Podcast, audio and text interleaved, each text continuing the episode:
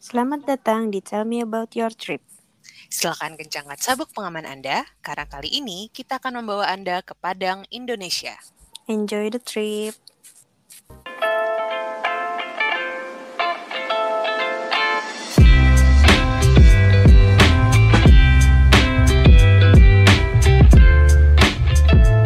Hai Do, Hai Ica. kembali Berdua lagi berdua lagi. Aduh. Aduh, emang kita hari ini mau ke mana? Semua jadi O ya. Semuanya jadi O. Mm-mm. Gimana, Ca? Hari ini kita ke mana? Hari Setelah minggu lalu kita ke kita ke Pontianak. Pontianak, ya. Kali ini kita masih di Indonesia. Uh, kita agak geser lebih barat lagi gitu ke Padang. Oh. Iya, mungkin ya kan apa namanya eh, kita sering banget nih makan Padang kan ya, tapi Betul. mungkin belum pernah ke Padangnya gitu. Betul. Nah ini aku kebetulan waktu itu eh apa namanya seperti biasa mengekor Rizky waktu itu kan kita lagi di Jepang terus ada conference di Padang. Oh, Terus ah, ah, nah terus kita ya udah kita pulang ke transit Jakarta langsung pindah ke Padang gitu.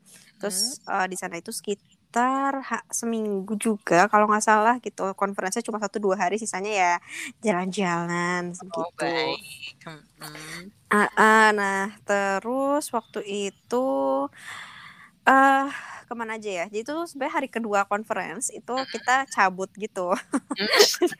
Aduh, Jangan ditiru ya guys. jangan. Sama panitianya juga ikut cabut aneh banget. Baik. Terus eh, kita jalan gitu ke arah em, Istana Basa Pagaruyung itu menuju ke sananya itu sebenarnya ada juga namanya Lembah Anai. Eh, nah, itu eh, curug lah ya. Jadi kita kalau OTW ke apa Istana Basa Pagaruyung itu pa- hampir pasti ngelewatin si curug ini. Jadi dia kayak benar-benar di jalan jalan eh, apa trans jalan Trans trans Padang ya itu ha, Oh, pokoknya Mm-mm. jadi dia kayak kita lagi di jalan trans Padang tiba-tiba ada curug gitu di depan gitu. Mm-mm. Jadi eh, kita bisa berhenti di pinggir jalan buat ya foto-foto cantik gitu. Kalau lo cari Lembah Anai Padang Panjang itu kelihatan ininya apa namanya eh, curugnya gitu. Cuma karena waktu itu gua nggak ada foto, kayaknya nggak ada foto yang tanpa Oh, yang ini. Baik-baik.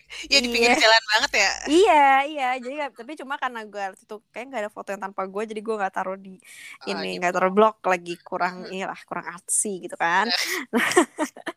Terus ya ini benar-benar di pinggir jalan banget. Jadi kayak kalau lo dari kota Padangnya sendiri eh, mau agak menjelajah gitu ya. Oh ya, gue em, mungkin yang di kota Padangnya sendiri malah eh, nggak banyak ya, karena gue em, menjelajah gitu ke daerah-daerah sekitar sumber lainnya kayak ke Kabupaten 50, Bukit Tinggi gitu-gitu. Jadi ini ya Padang plus Sumatera Barat area lah gitu.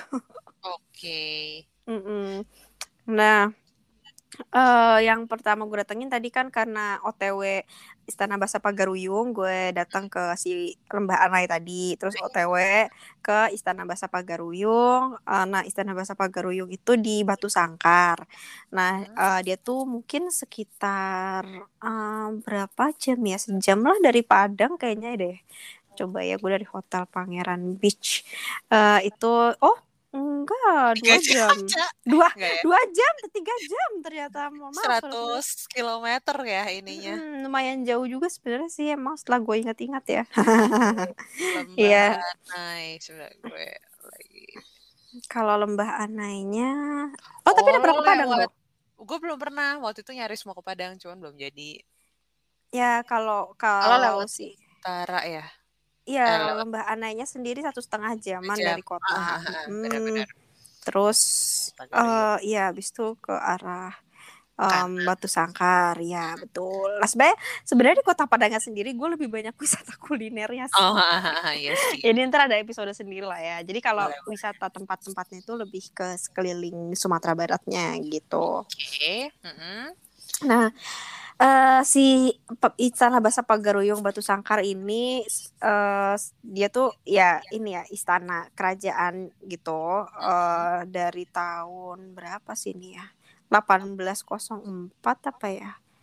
Eh, Oh, bukan deh itu malah pas dibakar. Bentar gue cari dulu ya. mana? Dia cuma disebutin pernah terbakar dia emang pas gue ke sana gue tahu dia pernah kebakaran tiga kali pernah Hmm. dibakar pas perang Paderi anjir kayak zaman belajar sejarah tahun 1804 terus dibangun lagi terus kalau nggak salah dibakar lagi habis itu kena eh, ini kesamber geledek apa gimana gitu Oh. pokoknya tiga kali sempat kebakaran gitu jadi ini udah pembangunan yang keempat ya harusnya Hmm. gitu. Iya benar kan tuh ke, ke- Iya, iya, iya. apa 2007 kebakaran Mm-mm. karena kesambar petir, Petir. gitu. Mm. Nah, ya kan soalnya kan atapnya rumah Padang kan gitu ya.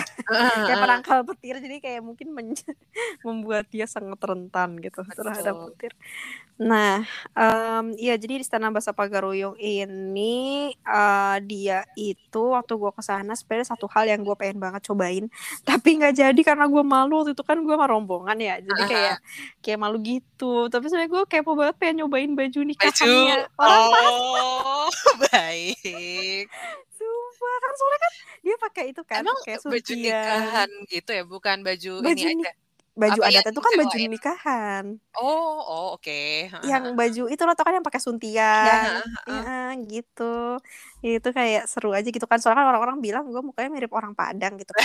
Pengen tahu aja gitu. Padahal Jawa 100%. Padahal Jawa Sunda. Eh enggak 50 Eh, oh, 50. 50. Oke. Mm-mm. Terus Kalau em, pakai emang berapa ini, Cak? Berapa sewanya berapa? nyewanya Gimana? berapa ya waktu itu ya? Karena gue kan gak jadi nyewa. Jadi gue nggak tahu nyewanya berapa waktu itu. Cuma kalau masuk ke istananya sendiri murah sih cuma tujuh ribu. Itu jam 8 sampai jam 6 bukanya waktu itu terus eh, di sana tuh dia ada tiga lantai tapi sebenarnya em, lantainya yang paling besar tuh lantai satu. Di situ tuh kayak ada singgasananya terus ada kain-kain khas Sumatera Barat. Jadi kayak ya kalau suka songket nah itu banyak banget tuh motif-motif yang mirip songket gitu cakep. Nah, terus dia juga di lantai satu tuh ada kayak monitor buat eh, belajar gitu. Kayak eh, apa sih lo tau gak sih kayak map map di mall gitu? Eh iya Oh, map di ah, mall yang ah, bisa lo ah, pencet-pencet nah yang kayak Iya, gitu. iya, iya. buat tahu sejarahnya terus kayak ada apa aja di sini segala macam terus em, abis itu kalau ke lantai dua lantai duanya itu eh, disebut Anjuang Peranginan. Jadi ruangan putri raja yang belum menikah. Nah di situ tuh juga gue suka banget sama eh, ukiran ininya eh, atapnya. Heeh, cakep Oh, banget. iya. Iya, ya? cakep cakep banget. Heeh, gitu. Terus kayak dia emang kayu-kayu gitu kan, makanya no wonder dia sering banget kebakaran. Jadi bangunannya sendiri emang kayu gitu. Iya. Mm-mm. Terus apa ya di atas lantai tiga sendiri tuh lebih ke ruangan kecil gitu sih buat nyimpen harta raja. Jadi emang gak terlalu eh, inilah gak terlalu signifikan gitu. Tapi eh, overall menurut gue eh, istananya tuh cukup artsy gitu ya. Karena em, banyak banget motif songket-songketnya, ukiran-ukirannya bagus lah gitu. Terus Tapi ada banyak penjelasan-penjelasan gitu nggak? Jadi maksudnya apa bukan kayak museum lo Enggak, tidak enggak ada. expect banyak penjelasan di situ kali ya? Apa? Iya, nggak ada. Emang kalau mau belajar ada di layar itu aja tadi dan Oh yang tadi. kebetulan kebetulan eh, salah satu rombongan gue ya warlock gitu. Jadi dia juga Yang nge- ngejelasin. gitu. Terus apa ya da- dan dia tuh sebenarnya eh, kawasan gitu. Kalau nggak salah ada bangunan-bangunan lagi di kanan kirinya. Jadi kayak taman gede gitu dia. Kalau Ah, lo mungkin kelihatan kalau lo browsing di Google kali ya. Hmm. Jadi dia nggak nggak kayak bangunan sendiri eh apa eh bangunan sendirian aja gitu enggak sih dia kayak di kanan kiri itu juga ada beberapa eh, kayak apa rumah-rumahan Padang mini gitu jadi itu kawasan sih gitu Oh, oke Mm-mm, nih. jadi kayak lihat ininya. ada mapnya gitu deh coba Istana Baso Pagaruyung map gitu Oke. Pagar map. terus ke- mungkin lo juga ngelihat ini apa namanya nggak ada ya map ya ya tapi ada sih di sih orang soalnya kan orang biasanya fotonya ngepasin sama si Mm-mm. ujung istana kiri sama uj- ujung kanannya tapi sebenarnya kan kanannya nih ada yang kecil juga ada Iya, iya. Ha-ha, Oke, benar. paham, gitu Luas juga ya tempatnya. Ya luas. Jadi kayaknya suka dibikin buat acara-acara juga deh kalau ada. Heeh. Dan Hai. kalau lo lihat ada foto-foto orang pakai baju Minang kan tuh. iya iya iya. Iya begitulah. Oke. Nah terus dari kan belakangnya tuh dia gunung ya, jadi dari Hmm. jendela-jendelanya tuh juga cakep waktu gue dari lantai dua gitu ngelihat ke arah eh, belakang itu lumayan cakep karena belakangnya gunung gitu. Kan itu yang lantai dua yang tadi tempat itu ya, Putri ya? Iya Putri. Putri mm-mm. Melihat pemandangan gunung. Mencari jodoh. Jadi jodoh, jodohku kapan datang? Dan dia perginya ke lantai dua. Oh, Heeh, itu gitu. berapa jam Cak enaknya kalau ke sana? Maksudnya kayak dua Ah, jam? sejam cukup. Oke. Mm-mm, Gak terlalu ini sih, soalnya kan bukan kayak museum yang ini ya, yang ada penjel, yang harus lo baca satu-satu gitu. Heeh. Paling lama Jadi- kalau pakai baju si like, nyoba kostumnya itu ya, eh, nyoba baju adatnya itu ya. Kalau lo nyewa. Mm-mm. Mm-mm, paling ya mungkin ya ganti baju segala macamnya itu sih. Oke.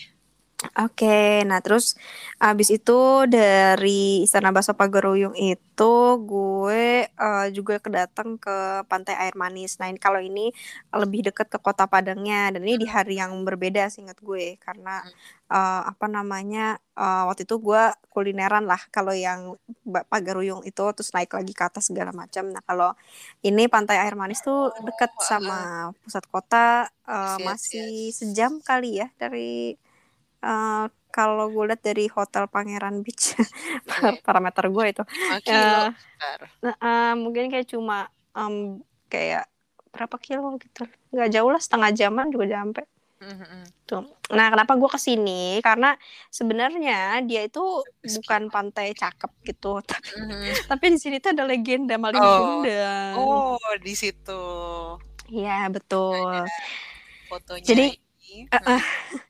Eh, gue nggak tahu sih sebenarnya kayaknya gue curiga nih batu buatan sih. Kayak kayak patung ukiran yang sudah tertimbun debu dan pasir gitu gak sih? Kayak lo liat nggak fotonya tuh yang Iya, di bawah soalnya kalau kayak itu batu natural agak aneh juga sih memang gitu. Cuma ya legendanya ya kan kalau inget di pan, eh, apa legenda Malin Kundang yang dikutip tuh di batu nah ya itu Malin Kundang. Malin Kundangnya cenah nama itu tuh yang jadi batu di pantai air manis gitu. Oh, ke sana emang ngeliat sih si batu ini aja. iya ya sambil ya main di pantai aja. sih. Hah? Pantainya juga cakep sih. Maksudnya bukan cakep kayak luas luas aja luas gitu. ya kan. Pa- pantainya luas eh, terus juga ada apa sih itu motor-motoran ATP eh, Oh, ATP ya itu TV. Iya, Eh, heeh, itu bisa. Ya, bisa main itu juga di situ. Terus eh, apa ya? Nah, sebenarnya seingat gue di dekat situ tuh ada ini pulau. Oh ya, pulau pisang kecil sama pisang besar. Nah, kalau pantai air manis itu dia kan eh, ini pan apa pantainya tuh pasir hitam, pasir hitam, pasir cok apa buah-buah Oh itulah. iya iya. ah. nah kalau pak pulau pisang kecil dan pulau pisang besar itu eh, dia pasir putih gitu. Pisang. Kak, mm, Oh, yang sini. Oke. iya, Iya, nah iya, waktu putih. Cuma waktu itu gue kebetulan udah sore, jadi eh, mau ke sana agak susah karena kan nyebrang gitu ya. Mhm, mhm. Eh, nah kalau misalnya lagi main-main ke situ, bisalah eh, kalau tertarik ke Pulau Pisang kecil atau Pulau Pisang besar gitu. Mhm, eh, kalau nyari pantai pasir putih yang deket-deket Padang bisa ke situ kayak gitu. Hai. Terus ya tapi sebenarnya ya yang Batu Malin Kundang itu kayak bukan kayak kayak tugu kali katulistiwa yang di conserve gitu. Dia tuh beneran udah mana di pojokan pantai, terus kayak di sebelahnya warung, kayak ya batu depan warung gitu Ah, baik. gitu. Jadi kayak gue juga agak shock oh ini. Gue kira kayak ada satu site khusus gitu. Ah, Ternyata tidak. Karena tenggelam nih gue jadi mencari artikel tentang si Apa? ya si Pantai Air Manis ini. Oh, iya iya. Ya, itulah kurang lebih ya tentang si Oh. pantai air manis. Nanti mungkin kalau ada nemu fun fact boleh dia. Oh iya, nanti di akhir akan ku sampaikan kalau ada.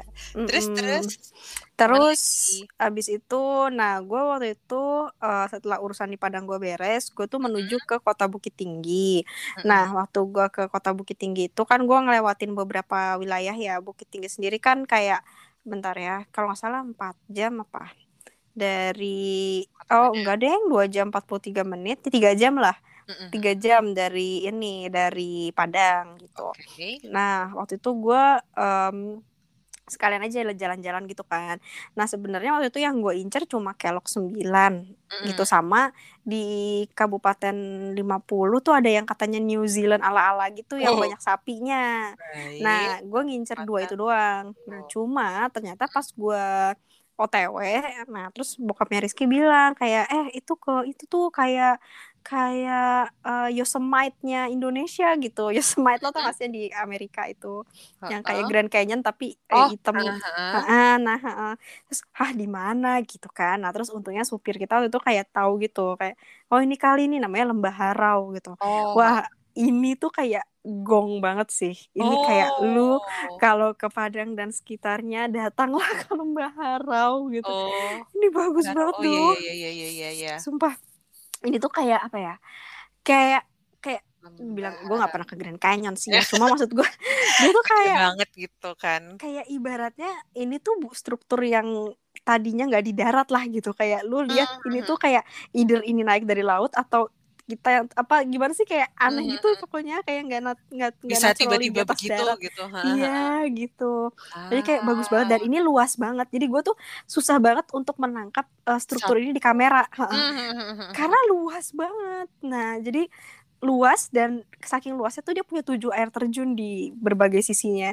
Kalau lo lihat yang ah, di Rizky berdiri itu iya, kan ada ya. sebelah kiri sebelah itu ada kiri satu. itu ada satu. Mm, itu salah satunya. Banyak sebenarnya hmm. dan bisa diakses juga gitu. Uh, uh. Dan kalau ngeliat yang si item itu, maksudnya item itu bisa, bisa jadi zaman dulu itu dilewatin aliran air. Air, iya.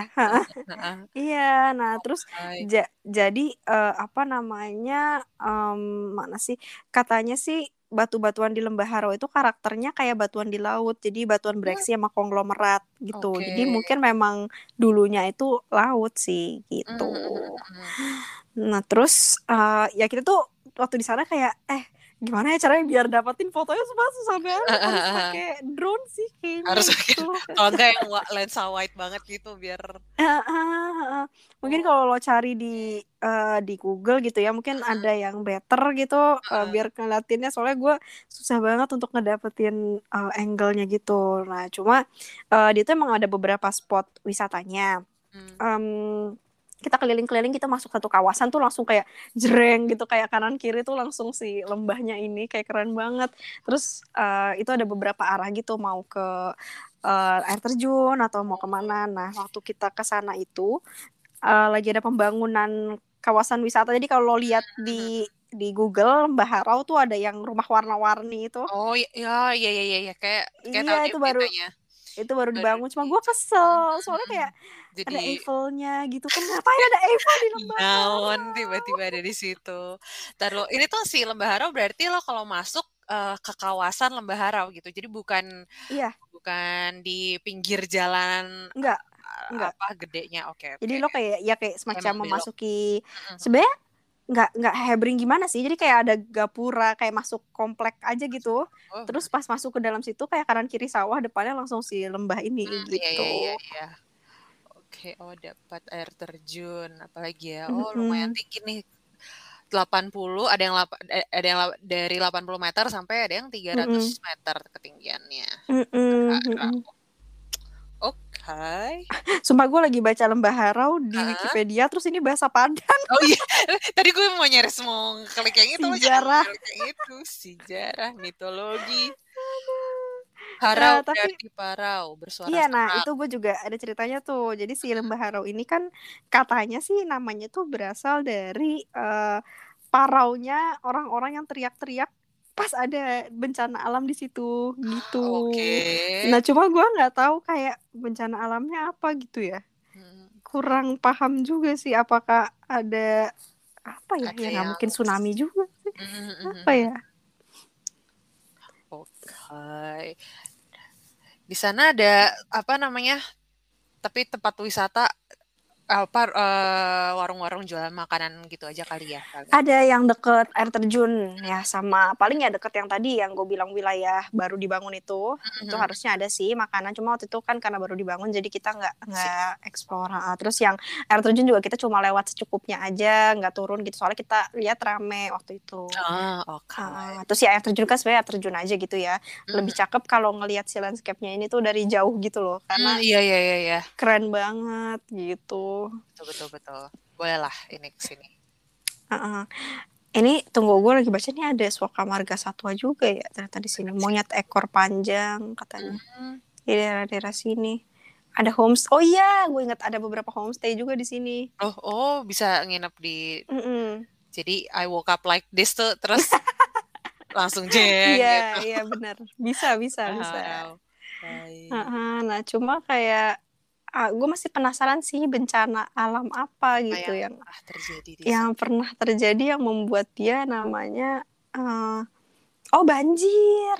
Banjir dan longsor uh, ya iya kayaknya sih. longsor hingga menyebabkan kepanikan. Hmm.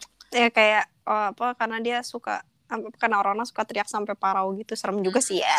Cuma cuma keren banget kalau di makanya tuh kalau lo baca artikel Kompas juga kayak dijuluki Yosemite gitu. Soalnya emang oh. emang keren banget sih gitu. Boleh boleh. Yep. Itu itu salah satunya yang gong banget ya menurut gue selama di Sumatera Barat itu. Mm-hmm. terus um, Abis itu kita jalan lagi ke Kelok 9. Mm-hmm. Uh, ya Kelok 9 sih kan ya infrastruktur yang dibangun oleh manusia ya. Jadi ah, ya ya udah. ya udah aja gitu ya. Sebenarnya kalau sembilan lah gitu. Cuma lumayan lah uh, fotonya lumayan artsy gitu. Di antara pegunungan ada kelokan ini. Nah ada terus diwarnain gitu ya jadi di pinggirnya. Uh, uh, biar, biar jelas. Terus, nah terus uh, di di spot foto yang gue ini itu tuh banyak banget. Sebenarnya dari mulai yang kalau lo lihat tuh di pinggir-pinggir ada kayak tenda-tenda gitu. Nah itu uh, uh, uh, mulai banyak orang jualan juga terutama di dekat tempat gue yang foto ini gitu. Hmm. jadi emang banyak tempat nongki-nongki jadinya di sepanjang pinggir jalan Kelok sembilan ini.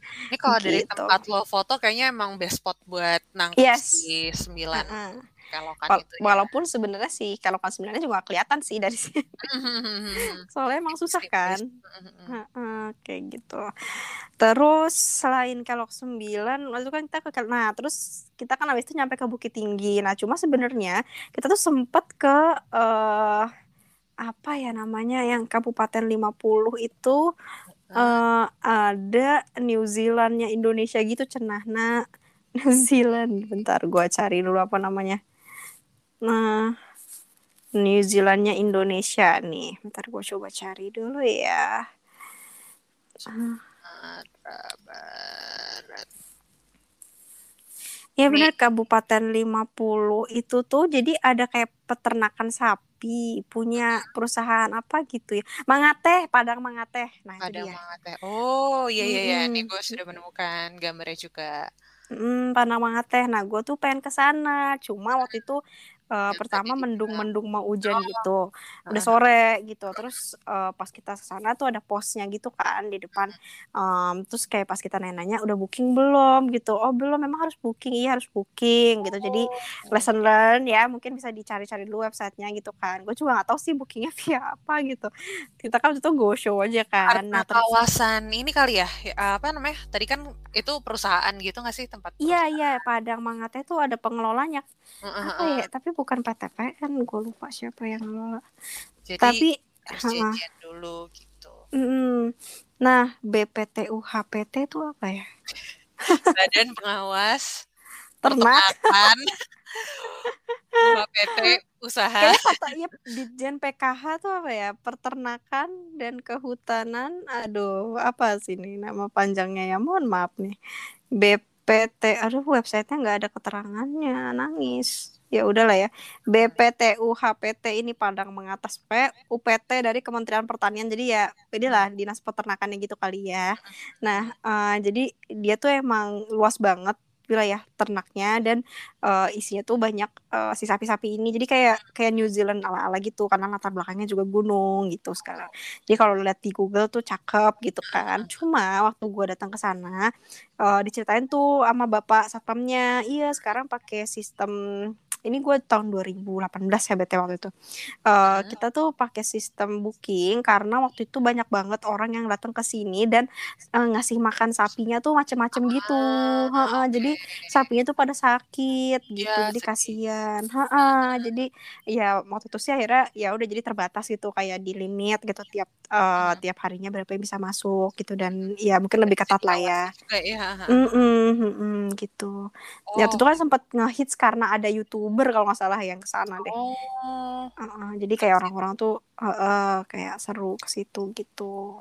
BPTU HPT Balai Pembibitan Ternak Unggul. Oke. Okay. apa unit pelaksana teknis. Oh, jadi makanya kayak bener hmm. bener-bener di uh, sapi-sapinya tuh yang bibit yeah. unggul. Oke. Iya, manggil banget ya. Mm, ya mungkin kalau mau ke situ uh, harap register dulu aja. Oh. gitu. Dia dekat-dekat sama si Lembah Harau itu sih seingat gue. Coba ya gue cari Lembah Harau. Uh, dan Ada jarak nih Padang Mengatasi. Iya, Padang Mengateh uh, ya sebenarnya nggak sedekat itu juga satu wilayah kan sama-sama Kabupaten 50 itu sekitar 25 kilo dari Lembah Harau tadi pada Mangate makanya tadi habis dari Lembah Harau ke situ gitu.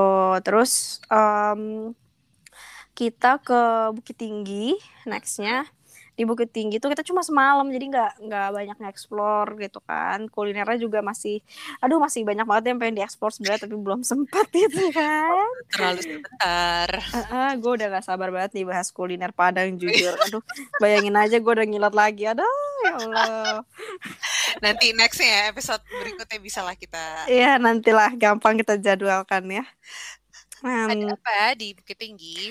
Nah, waktu Bukit Tinggi sih kita cuma ke, seingat gue cuma ke satu satu oh enggak dua lah ya sama, sama ngarai si Anuk jadi pertama kita ke rumah kelahiran Bung Hatta dulu jadi hmm. karena di tengah kota jadi kan karena Bukit Tinggi ini kan cukup bersejarah juga ya hmm. uh, sama sejarah Indonesia gitu uh, kalau nggak salah juga salah satu tempat pertahanan waktu perang gitu kan hmm. ya jadi waktu itu Bung Hatta sendiri kan orang Padang dan kelahiran Bukit Tinggi orang Sumatera Barat maksudnya hmm. nah jadi uh, apa namanya uh, ada rumahnya gitu yang dikonserv nah uh, itu di tengah kota banget jadi kayak karena kota yang kalau lo tahu jam gadang ya mm-hmm. nah itu jam gadang juga kita lewat-lewat aja tapi nggak gue masukin soalnya lagi renov jam oh, gadangnya oke okay. uh, uh, jadi kita waktu itu nginep di ya di jam gadang di atas dikit kita jalan kaki aja tuh ke jam gadang terus uh, ke rumah kelahiran mm. Bung Hatta ya kalau rumah kelahiran Bung Hatta ini kalau gue ukur dari jam gadang jam gadang ke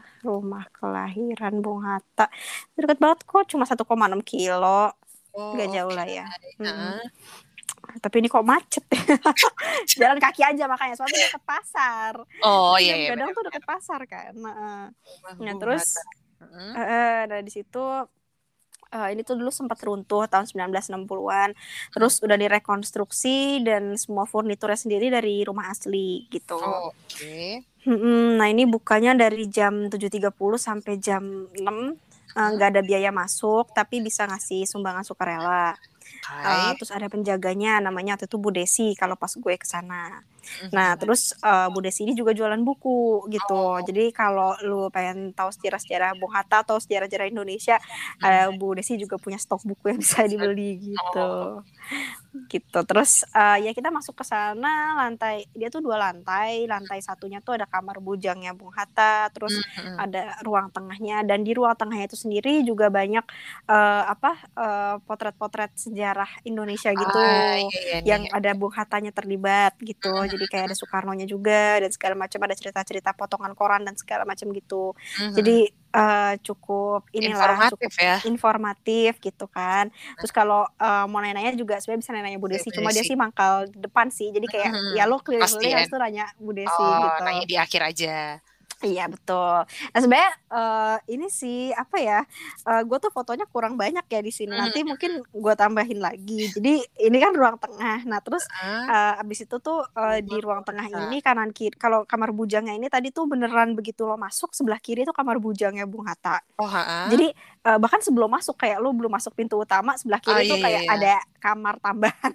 Betul, itu iya, kamar bujangnya. Bung Hatta. Terus habis itu uh, masuk. Nah pas lo masuk itu baru ruang tengah ini. Nah Mhm. itu kanan kirinya ada gue lupa dua apa tiga kamar. Jadi ada Mhm. dua atau tiga kamar. Dan itu kamar ibunya sama bapaknya kalau nggak salah gitu.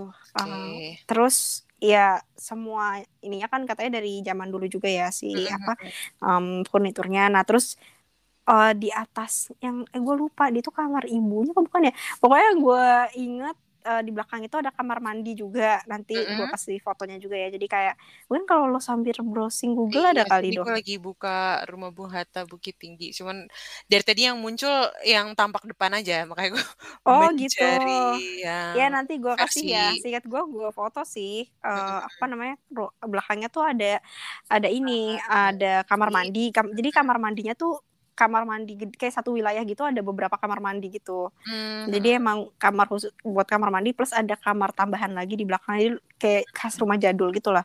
Oh. Nah, terus yang agak uh, agak spooky-nya tuh yang lantai dua.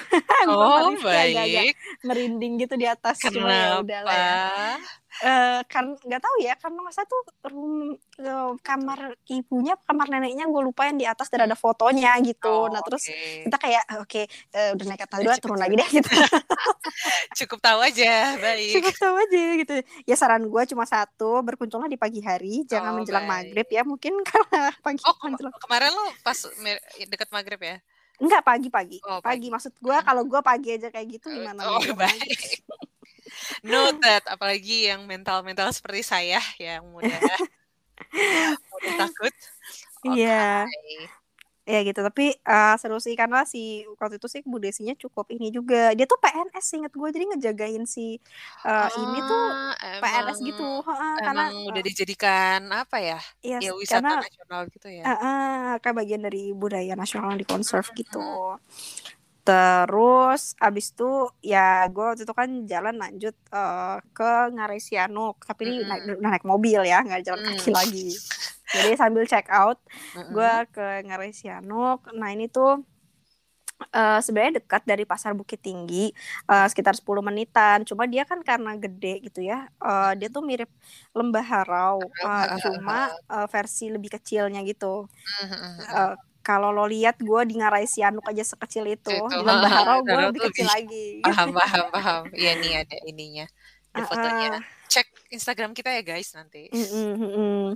Nah, eh Ngarai Sianuk ini tuh gue waktu itu masuk ke wilayah wisatanya gitu. Jadi sebenarnya dia sendiri eh, ka- apa ya ibarat ketinggi gitu. Jadi Mhm. Nggak usah masuk pun kita udah bisa lihat. Cuma kayak kalau lu mau foto-foto atau lu mau lihat lebih dekat gitu, nah itu ada biaya masuknya lima ribu. Nah Mmm. terus eh, waktu itu pas kita datang karena itu hari kerja nggak ada orang lain selain kita gitu. Mmm. Ah, cuma yang gue kesel adalah pas kita datang tiba-tiba ada patung Merlion gitu. Gue bingung Oh, sedih.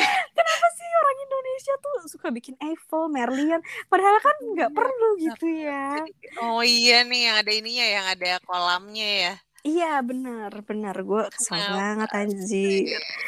Iya gitu. Nah terus ya udah eh, apa namanya kita jalan lah. Nah waktu itu tuh gue nyampe ke sawah ini tuh agak effort gitu, agak ngelewat-lewatin rumah orang gitu. Terus akhirnya eh, banyak nyamuk. gue inget Oh, banget heeh banyak nyamuk. heeh. Terus eh, tapi akhirnya nyampe lah di sawah ini. Dia nih kayaknya jalan sawah ini juga baru gitu. Mmm, Kayak mhm. baru dibikin juga gitu. Oh Nah iya. em, terus eh tunggu ada tembok Cina atau kayak jalan jalan penghubung gitu antara Bukit Tinggi sama kabupaten sebelah gitu. Itu Oh. juga ada deket-deket dari sini dari si Ngarai Sianuk ini. Mhm. Terus atau nama namanya Janjang Koto Gadang gitu. Jan foto gadang. Janjang Koto Gadang, yes. Oke. Jadi ada ada jalan panjangnya gitu dari Ngarai Sianuk ini. Jadi Ngarai Sianuk ini tuh dia ini si Wall Koto of Koto Gadang. Iya keren kan? Ah. Tapi Oke gua sih. Iya, tapi gue gak tahu ini kayak terlihat buatan kayak tembok Cina. Jajang lo tau gak sih? Janjang. Oh, janjang itu artinya tangga. Iya, iya. Oke. Cuma karena waktu itu kita kan ngejar balik ke Padang ya, jadi kayak nggak sempet sampai ke sini. nah ke sini. Terus eh, dan dia juga ada lobang Jepang bagi yang Hmm. mau melihat eh, yang mistis-mistis. Lobang Jepang ngarai Itu yang ada di foto itu ya, ya, Cak. Eh, kalau itu kayaknya bukan sih kalau feeling Oh. gue tapi gue nggak tahu ya karena eh, si lubang Jepang ini sendiri dia tuh kan suka ada muara-muaranya yang kita nggak tahu ke mana aja gitu hmm. nah cuma gue nggak tahu itu sebagian bagian dari itu atau itu kayak galian pasir biasa gitu cuma Hmm. kalau gue lihat di foto yang gue sama Hmm. pas gue nyari lubang Jepang di Google ini juga masuk sih ke lubang gue yang itu masuk juga ke ke lubang Jepang kayaknya Oke. Nih, ada gua besar di Ngarai Sianok. Begini ceritanya. Kayaknya ini ini deh. Tim- Ah, tembok. tunggu, lihat dulu. Ini gue mesti nyari si tembok tadi nih, gue kepo. Karena suka ada karena galian pasir juga. Cuma itu gua katanya. Hmm, Cuma nggak tahu ada hubungannya atau enggak sama eh, lubang Jepang karena orang bilang tuh ada beberapa gua yang terbentuk karena gempa karena kan Padang sering gempa. oke. Iya, iya. Cuma ada juga yang bilang itu peninggalan penjajahan Jepang gitu. Cuma emang itu sebuah goa sih yang gua foto itu. Nah itu gue fotonya dari seingat gue dari tempat makan gue. Jadi gue lagi Hmm, makan di uh, Itiak Ladomudo nanti Waduh. ceritain. lapar kita denger ya. Terus, terus. Nah itu bukan itu sisi yang berbeda sama yang gue foto di sawah-sawah itu Hmm, gitu. Jadi uh, pas gue lagi makan lah ini itu ada itu ya ada bolongan itu ada ya foto itu gue foto gitu. Baik. Gitu. Nah, kalau lubang Jepang sendiri dia itu eh, kalau nggak salah ada beberapa pintu masuknya. Salah satunya itu kalau nggak salah dari dekat-dekat kota Bukit Tinggi juga Hmm, gitu. Karena dia part of nggak. Jadi kan kayak ibaratnya ngarai Sianuk yang dibolongin gitu loh.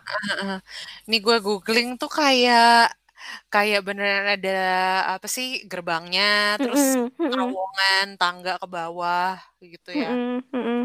Oke. Ya memang nggak nggak ya di situ-situ aja sih karena Bukit Tinggi juga nggak terlalu besar kan.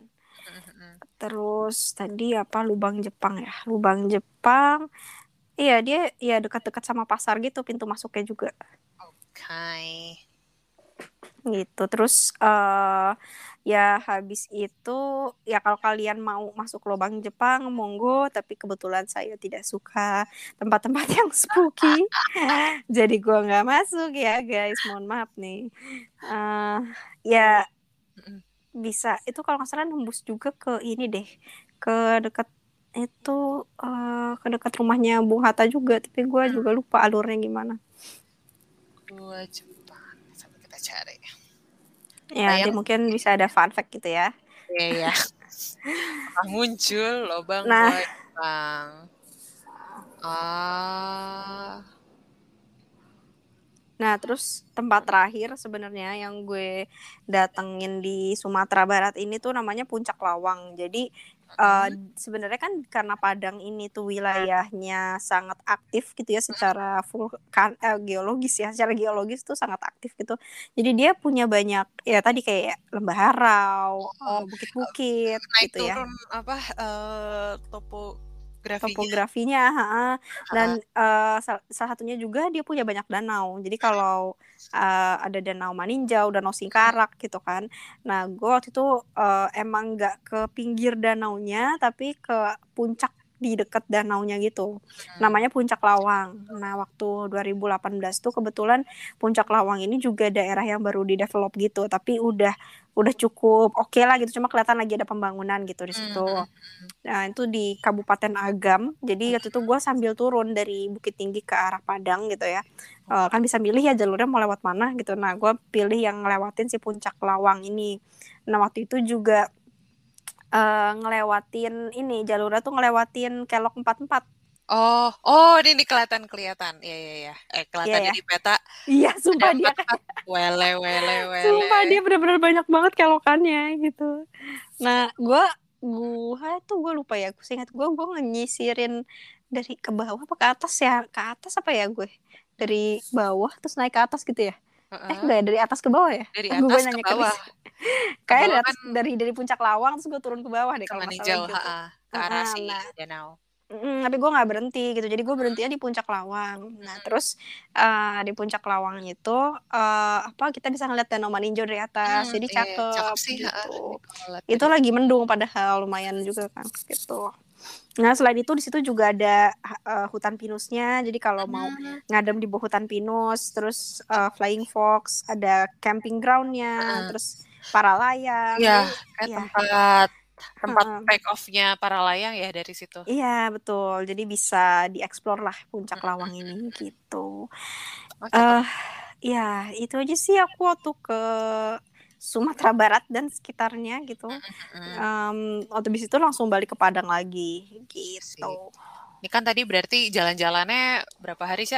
Hitungannya se- Gue hitungannya itu bentar ya. semua tempat Karena ya sebenarnya sih agak jauh ya. Jadi gue tuh eh, ini tuh combine sama si wisata kulinernya soalnya. Jadi kayak yang Istana Basa Pagaroyong itu satu hari sendiri, Pantai Air Manis satu hari sendiri, Lembah Harau, Baleng sama Kenok Sembilan eh, sambil OTW ke Bukit Tinggi. Ah, iya, iya. Ah, Terus yang Bung Hatta, Ngarai Sianok sama eh, Puncak Lawan satu hari. Jadi empat hari sih sebenarnya nih Hmm. gue. Oke. Terus empat hari bisa dapat tempat-tempat itu ya. Mm-mm, benar empat hari dapat dapat tempat-tempat ini dan bersama kulinernya juga Sama gitu. kuliner. Aduh, aku ingin belum kesampaian nih ke Padang.